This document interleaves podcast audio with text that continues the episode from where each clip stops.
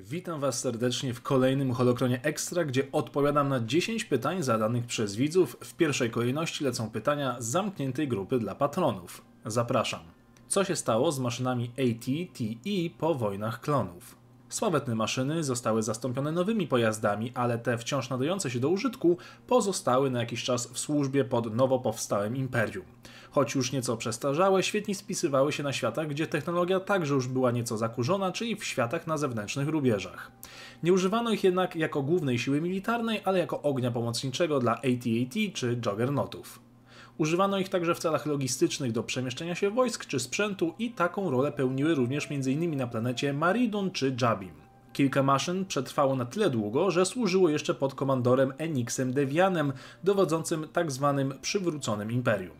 Dlaczego mistrzowie Jedi tak łatwo zginęli z ręki Darth Sidious'a? Wielu fanów zadaje sobie to pytanie i generalnie oficjalnej odpowiedzi czy uzasadnienia wciąż brak. Jedni uważają, że Darth Sidious użył mocy krzyku oszałamiając mistrzów, inni uważają, że Jedi byli zbyt pyszałkowaci i nie spodziewali się ataku ze strony podstarzałego polityka, nawet będącego Sithem, którzy to w tym momencie byli bardziej bajką czy legendą, aniżeli prawdziwym przeciwnikiem. Walka sama w sobie faktycznie nie jest zbyt imponująca, zważywszy na to, jakie układy walk widzieliśmy już wcześniej, ale zważmy też na to, że Jedi generalnie są lekko przeceniani. Zarówno łowcy nagród, roboty serii IG, generał Grievous czy choćby klony po rozkazie 66, wszyscy z łatwością zabijali rycerzy Jedi w wielu przypadkach. Jeśli miałbym osobiście się do tego ustosunkować, uważam, że język kina nieco zawiódł i o wiele lepiej i wiarygodniej ta walka przedstawia się na papierze. Zresztą umówmy się, kto może być w pełni przygotowany na fakt, że siwy kolej z zabiórka, który okazuje się być totalnym szaleńcem, wyskoczy w powietrze z wrzaskiem i przeleci przez pokój kręcąc się o 920 stopni. Czy były jakieś planety, które pozostawały neutralne w czasie wojny?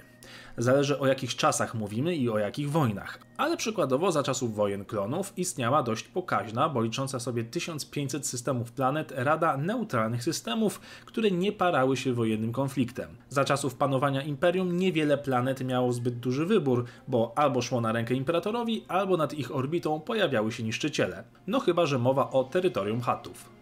Jak nauczyć się języka droidów?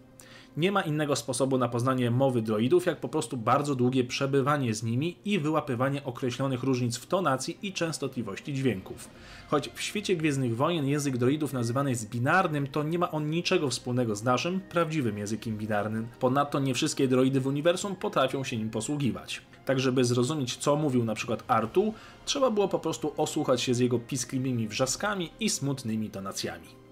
Czy w galaktyce były osoby zajmujące się zabijaniem potworów lub groźnych zwierząt na zlecenie?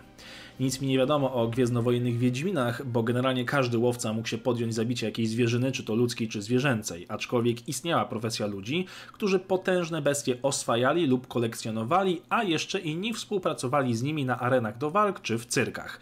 Zwano ich mistrzami bestii czy na Coruscant panował smog. Jakże proekologiczne dociekania, szanuję. I oczywiście odpowiadam.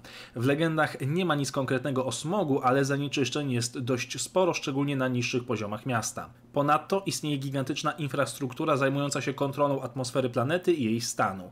Zadaniem potężnych kompleksów było oczyszczanie powietrza, rozkładanie toksyn, przywracanie tlenu z dwutlenku węgla i kontrolowanie pogody. Jak Vader posługiwał się mocą, skoro nie miał rąk? To pytanie w nieco innej formie już kiedyś było, ale odpowiem raz jeszcze konkretniej na tym przykładzie. Nigdzie nigdy nie było stwierdzenia, że jakaś kończyna jest potrzebna do kontrolowania danej mocy. Vader podczas pojedynku z Luke'em rzuca w niego przedmiotami, jedynie lekko kiwając mieczem, którego nawet nie wypuszcza z ręki. W innych przypadkach dusi kogoś na odległość bez żadnego gestu.